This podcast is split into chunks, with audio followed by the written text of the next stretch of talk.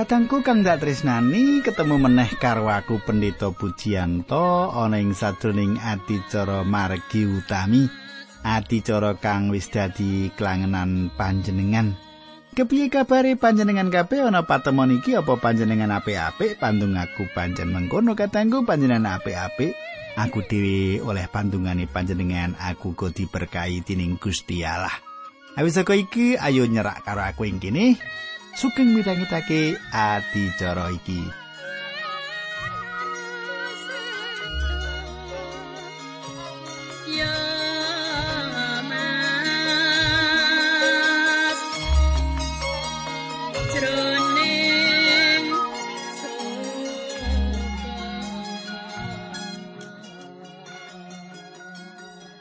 Sumitraku apa panjenengan isih kelingan apa sing ndaturake ana ing patemon kita kepungkur?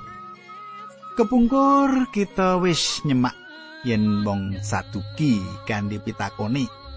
Tang sambut ditaya kepriye bisa nyilakake Gusti Yesus. Nanging kanthi wicaksana Gusti Yesus tangsa bisa paring jawaban kanthi pitakonan uga. Nganti wong saduki apa tire wong parisi ora bisa apa-apa. Nah, kita bakal nerusake tindake Gusti Yesus Nanging sadurunge monggo kita ndedonga dhisik. Duh Kanjeng Rama ing swarga kawula ngaturaken kenging panuwun. Ing wekdal menika kawula saged pepanggihan kalian sedherek-sedherek kawula lan kawula badhe ngedum berkah kasuwargan dumateng sedherek kawula menika kanthi sinau pangandikanipun Gusti. Kawula nyuwun tuntunanipun Sang Roh Suci ing asmanipun Gusti Yesus kawula tunggu. Amin.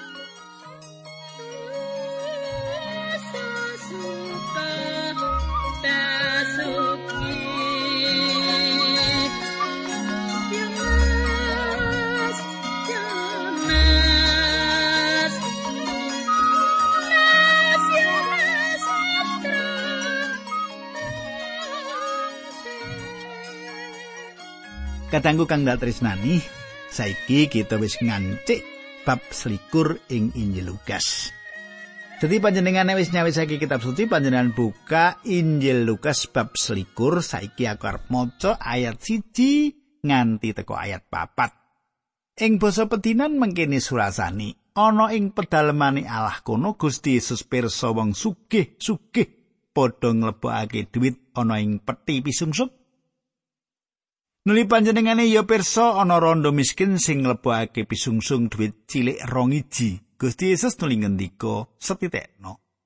Rondo miskin kuwi pisungsunge luwih akeh ketimbang karo wong-wong liyane. Sebab wong liya-liyane mau nggone pisungsung dijupukake saka kaluberaning kasugihane, nanging wong rondo miskin misungsungake kabeh dhuwit sing diduweni sing perlu kanggo nyambung uripe dhewe. Katangku kang ndak tresnani. Yen dibandingake karo kasugihane pedalaman suci. Pisungsung sing diaturake dening Barondo mlarat iki ora ana ajine babar pisan, ora ana ajine babar pisan.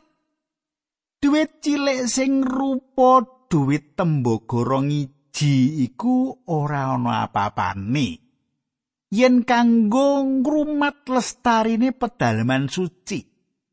Nanging Gusti Yesus ora ngukur gedene pisungsung, nanging ukurane ana pira dhuwit sing isih panjenengan simpen.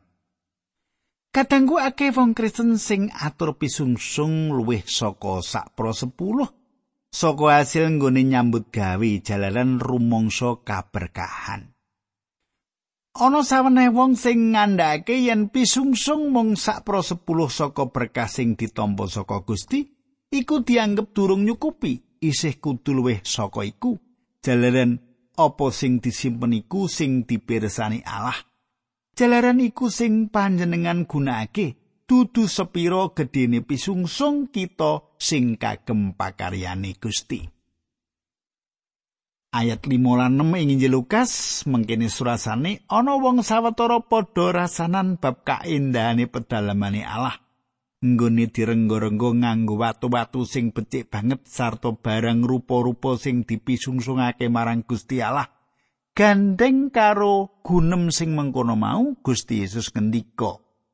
Besok bakal kelakon kabeh sing kok deleng iku lebur nganti ora ana watu siji wae sing lestari tumumpang ana ing watu liya. Mengkono pangandikane Gusti ayat 5 lan 6 ing Lukas bab selikur. Kadangku, nalika Gusti Yesus ngendika yen pisusunge mbok rondo mlarat iku luwih akeh tinimbang sapa wae klebu wong sugih sing ana kono. Nalika iku murid Gusti Yesus matur bab kasugiane pedalaman Allah sing luar biasa. bahan kanggo mbangun paitut iku ana sing saka watu-watu mulya sing larang regani. Nanging kabeh iku mau bakal ajur muwur, ajur tumpur ora ana watu sing tumumpang watu liyane. Kahanan kasugiane jagat iku go bakal musno, ilang kasugian sing ora langgeng. Ayat itu, wong mau padha nyuwun pirsa marang Gusti Yesus Guru, Benjing menapa perkawis wau badhe kelampahan. Katangku, ing Injil Matius lan Markus luwih nengenake pitakonan sing diaturake Gusti Yesus perkara tondo-tondo bakal panjenengane rawuh menaing bumi. Uga tondo pungkasane jaman, rawe Gusti Yesus ing bumi luwih penting kaya sing dicethakake ing Injil Matius lan Markus. Yen ing Injil Lukas iki Gusti Yesus mantepake pangandikane bab besok kapan remuke kutha Yerusalem. Bola bali Gusti Yesus maringi panguluwan taiki marang para murid lan pandhereke. Ayat 8 Lukas bab selikur pangandikane Gusti Yesus sing padha awas supaya kowe aja nganti kena disasarake dening wong sebab akeh wong sing bakal teka nganggo jenengku wong-wong mau bakal padha muni aku iki Sang Kristus lan saiki wis tekan wektune aja padha nggugu. Kadangku tondo-tondo ing wektu iki anane Kristus Kristus palsu. Tondo-tondo ing wektu iki yaiku anane Kristus Kristus palsu. Kedadian iku pancen dadi tondo jaman urip kita iki. Lan Sang Kristus palsu iku lan Kristus sing palsu iku wis ana nalika juru wilujeng rawing jagat iki. Ya wiwit jaman rawe Gusti Yesus nganti saiki para Kristus palsu iku nganakake pangeram-eram. Tumindak kang ngedapi-dapi ora mlebu ing nalar. Nadan wong-wong iku padha ngabarake Sang Kristus nanging padha nyolong kamulyane kanggo mulyakake awake dhewe. Mongko kamulyan mau sak mesine namung kunjuk kagem Sang Kristus. Ing sakiwa tengen kita iki akeh Kristus palsu. sing padha nilap kaluhurane kanggo ngalap untung iki dudu Kristen sing sejati. Panjenengan iso nggagapi awake dhewe apa pelayanan sing jenengan tindakake kanggo kaluhuran Gusti Yesus apa kanggo kepentingan panjenengan dhewe. Panjenengan sing iso nggagapi awake dhewe dudu aku. Tak teruske Lukas selikur ayat 9 lan 10. Kowe aja padha wedi yen krungu kabar bab peperangan lan pemberontakan sebab kabeh mau wis pinesti kudu kelakon dhisik nanging kuwi ora tekes yen wis tekan wekasane jaman Gusti Yesus nuli nerusake pangandikane bangsa-bangsa bakal campuh perang negara sing siji nglawan negara sijine kadangku anane perang dadi sawijining tondo jaman pungkasan Meh ngendi-endi wilayah ing jagat iki ana peperangan, iya toh? ana paham pasifisme, paham sing upaya bedamen lagi iki lagi tukul. Akeh sing padha setuju paham iki nanging ora duweni daya apa-apa kanggo ngedemake panase hawa peperangan. Nah iki panjenengan kekayutan karo iki bisa nyemak apa sing ditulis Rasul Paulus ing pasaman Tesalonika. Siji Tesalonika 5 ayat telu mengkene surasane. Semasa wong-wong padha muni kabeh wis tentrem lan slamet ing wektu kuwi wong-wong mau ditumpes dadakan. Wong-wong bakal ora bisa nguncati babar pisan kaya dene wong wadon sing dadakan nglarani arep nglairake anak. Kadangku saja kita ana ing swasana iku paperangan bakal terus ana nganti Gusti Yesus rawuh meneh. Saiki ayat 11 nganti 14 tak waca iki. ing ngendi bakal ana lindu sing gegirisi ana pailan lan pagebluk uga bakal ana perkara-perkara sing gegirisi lan pertondo-pertondo sing ngidap-idapi saka langit Nanging sadurunge kabeh mau kelakon kowe bakal dicekel lan dianiaya, kowe bakal padha diadili ning papan-papan pangibadah lan dilebokake ana ing pakunjaran. Kowe bakal dilarak lan diladekke ning ngarepe para ratu lan para penguasa merga saka aku. Kuwi wewengan kanggo kowe nglairake paseksimu bab Injiling Pangeran.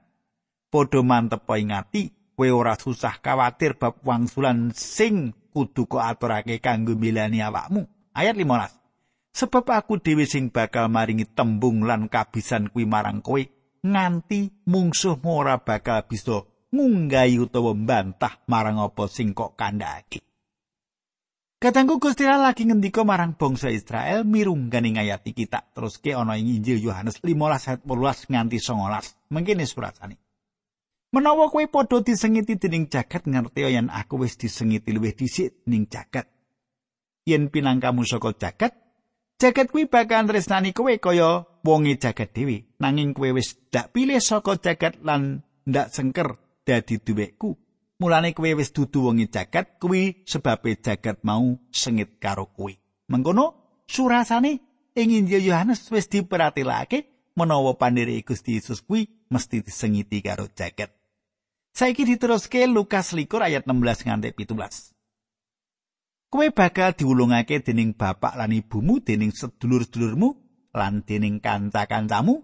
Ana panunggalanmu sawetara sing bakal dipateni dening musuhmu?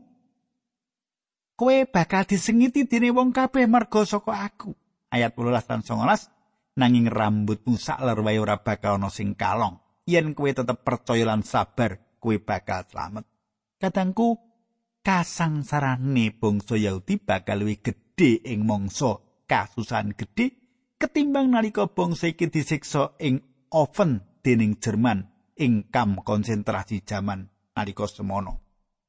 Lukas likur ayat 30 yen kowe weruh kutha Yerusalem dikepung dening wadyabala padha ngertiya yen ora suwe meneh kutha Yerusalem mau bakal disirnakake. Kadangku kang dak tresnani. Para murid rak ya wis padha takon, bab besok kapan bakal ana tondo-tondo pungkasaning jaman toh? Nalika ora ana watu siji wae sing tumempang watu liyane, iku kedadian ing taun pitung puluh sakwise Kristus nalika Kaisar Titus ngrubuhake, nglebur nganti ajur kutha Yerusalem. Patang puluh tahun sawise kedadian iku antara tahun 110 isake wong-wong sing padha ndenangi kedadian iku. Nalika semono kedadiane peperangan ana ing tembok Yerusalem, prajurit-prajurit itu ngibarake panji-panjine karo nguwuh iki dina sing dingendikake Allah. Ayat selikur. Ing wektu kuwi wong-wong ing tanah Yudea padha ngungsia menyang pegunungan.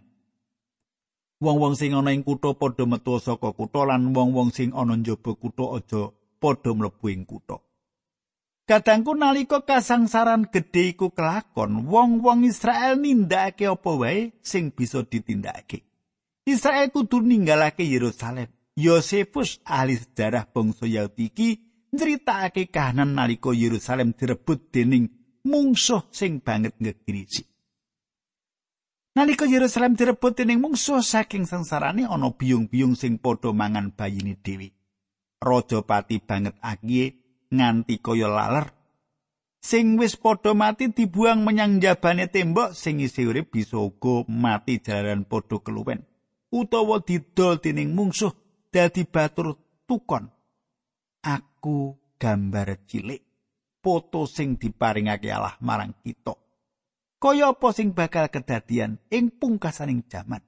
Ana sing duweni panemu yen kesengsaran sing banget hebat iku ora bakal kedadian meneh. Kedadian iki wis diwecakake dening Gusti Yesus lan nuli kedadian. Gusti ngendika yen kahanan sing kaya ngono iku bakal kedadian meneh. Dadi mesti bakal ana meneh kesengsaran sing kaya kedadian jamane Kaisar Titus ngrebut kutha Yerusalem.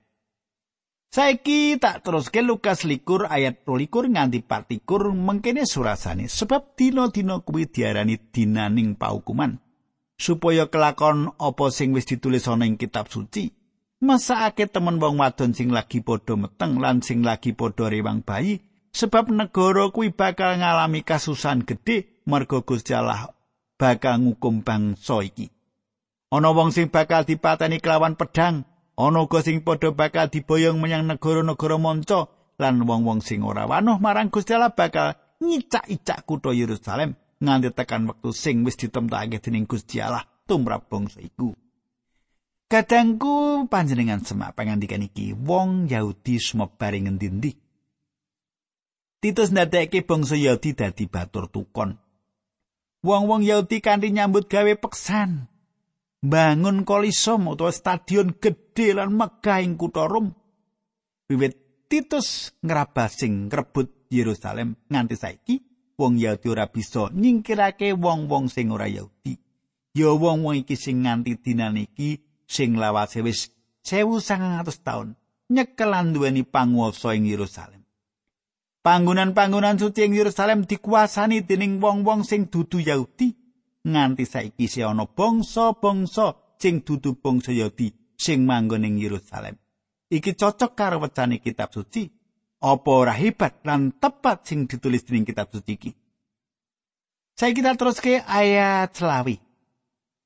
Besok bakal ono pertondo-pertondo sing katon ana ing srengenge rembulan lan lintang-lintang ing bumi bangsa-bangsa bakal padha gumeter mergo gumlegeri segoran ombake sing gegirisi Kadangku iku mau kedadian-kedadian ing jaman pungkasan sing bakal ana ing bumi sing dadi ana ing bumi sing kedadian bumi sadurunge Gusti Yesus rawuh maneh.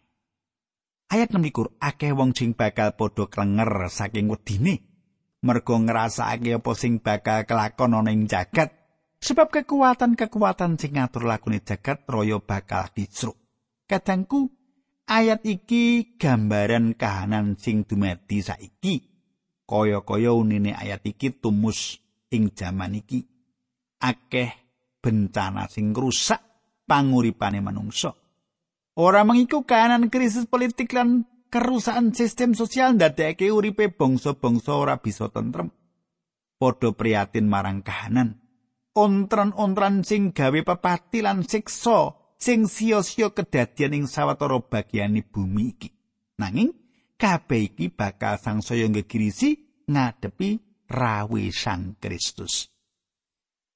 Terus ke ayat pitulikur nganti likur unine mengkene ing wektu kuwi putrane manungsa bakal rawuh ana ing mega ngagem kamulyan lan panguasane gedhe. Yen kabeh mau wiwit kelakon padha siaga lan tumengo sebab ora suwe meneh kowe bakal padha kaluaran. Kadangku, apa kanan iki wis kelakon? Ora perlu dipikir. Jalaran ora ana keterangan sing rinci Tapi iku sing bisa kita rasake yen kita yakin wis diwilujengake wektune wis sangsaya cedhak karo rawe Gusti Yesus ketimbang nalika sepisanan pertoyo marang panjenengani. Ya ta? Saya suwe, saya cedhak. Tambah dina, tambah cedhak. Menggono ya. Nah saiki ayat 29 nganti 32. Mangkene surat sane pangandikan Gusti. Gusti Yesus tulin critakake pasemon mengkene, padha titenono wit anjir lan wit-witan apa wae yen wit-witan mau wis padha semi kowe ngerti yen wis ngancik mangsa panas mengkono yen kowe weruh perkara-perkara sing ndak kandhake mau kelakon padha ngerti yen wis tekan wektune Gusti Allah bangun kratone ana ing jagat padha ngandelo wong-wong sing urip ing jaman saiki durung bakal padha mati yen perkara-perkara kuwi mau kabeh durung kelakon katangku ayat-ayat iki ditujokake marang Israel marang bangsa Yahudi sing nyetakake yen bangsa iki ora bisa disirnakake. Ora bisa dikalahake. Ayat-ayat iki nggambarake kanan sakbutuhe panguripane bangsa Israel. Dadi Israel sing menangi jaman runtuh Yerusalem uga Israel sing ngadepi mangsa kasasran gedhe ndungkap rawe Sang Kristus. Saiki ayat 33 ngantek 35. langit lan bumi bakal sirna nanging tembungku bakal tetep ing selawas-lawasi. Podho jaganan awakmu dhewe aja nganti kowe mung mikir nggonmu pesta-pesta wae, aja kakean mikirake bab ruwet rentenging uripmu nganti bareng dinane pengiran teko dadakan kowe ora cuma wis. Sebab tekani dina kuwi persasat kala kanggo njiret wong sajagat kabeh. Kadangku kang ndak tresnani aja padha lena. Aja padha lena. panjenengan kudu sing waspada dina-dina iki dina sing wigati kanggo kita lakoni mula lakonana kanthi manut miturut kersane Allah. Bangun turut pangandikane Gusti Allah. Ora susah nganggo tumindak sing neko-neko sing ora-ora. Kabeh kanan pancen urusane Allah Allah sing kagungan purba lan wasisa panjenengane wis maring urip marang kita lan kaparingan kalodhangan kanggo ngladosi pakaryane mula ayo disengkut. Makarya kagem Gusti jalaran iku timbalane marang kita. Kanthi mengkono kita wis padha lumaku ana ing margi sing utami margi kanggo nindakake kersane Allah ing dalem asmane Gusti Yesus Kristus Saiki ayat 36 coba panjenengan katakake padha siyaga lan tansah ndedonga supaya kowe diparingi kekuatan bisa ngalami sing bakal kelakon mau kabeh kanthi slamet sarta bisa suwani ngarsane putrane manungsa. Kadangku, kepriye carane supaya urip kita iki ana gunane? Kepriye carane supaya urip kita iki ana gunane? Urip kita kudu ana ing pangrae Sang Kristus sak wutuwe.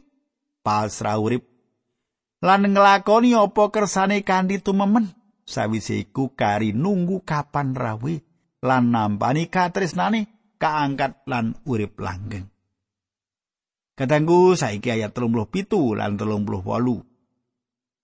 Gusti Yesus sabenawan memulang ana ing pedalamane Allah bengine minggah ing Gunung Saitun lan nyari ana ing kono. Saben esuk wong kabeh padha teka ana ing pedalamane Allah ngrungokake piwulange Gusti Yesus. Kadangku akeh saka ing antaraning kita kang kepingin ana ing sajroning patungilan lan mirengake dawuh Gusti Yesus. Ayat-ayat sing kita waca iki ndadekake akeh. Akeh wong sing padha kepingin ngetut buri lan percaya marang Yesus juru wilujeng.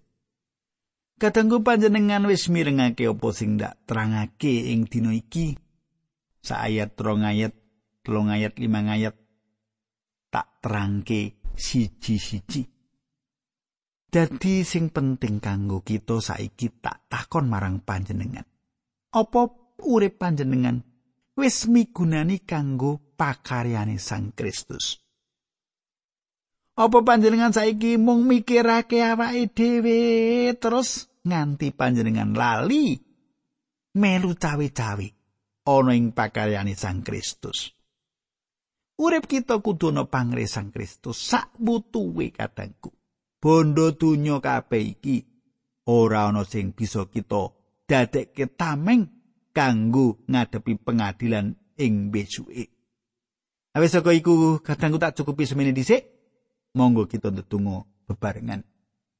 Duh kanjeng Rama ing swarga kawula ngaturaken kuing panuwun menawi menika kawula saged sesarengan midhangetaken pangandikanipun Gusti tetedan kasukman kawulo roti kasuwargan kawulo nyuwun dadosna kegiatan kawulo linambaran asmanipun Gusti Yesus Kristus kawulo netunggal haleluya. Amin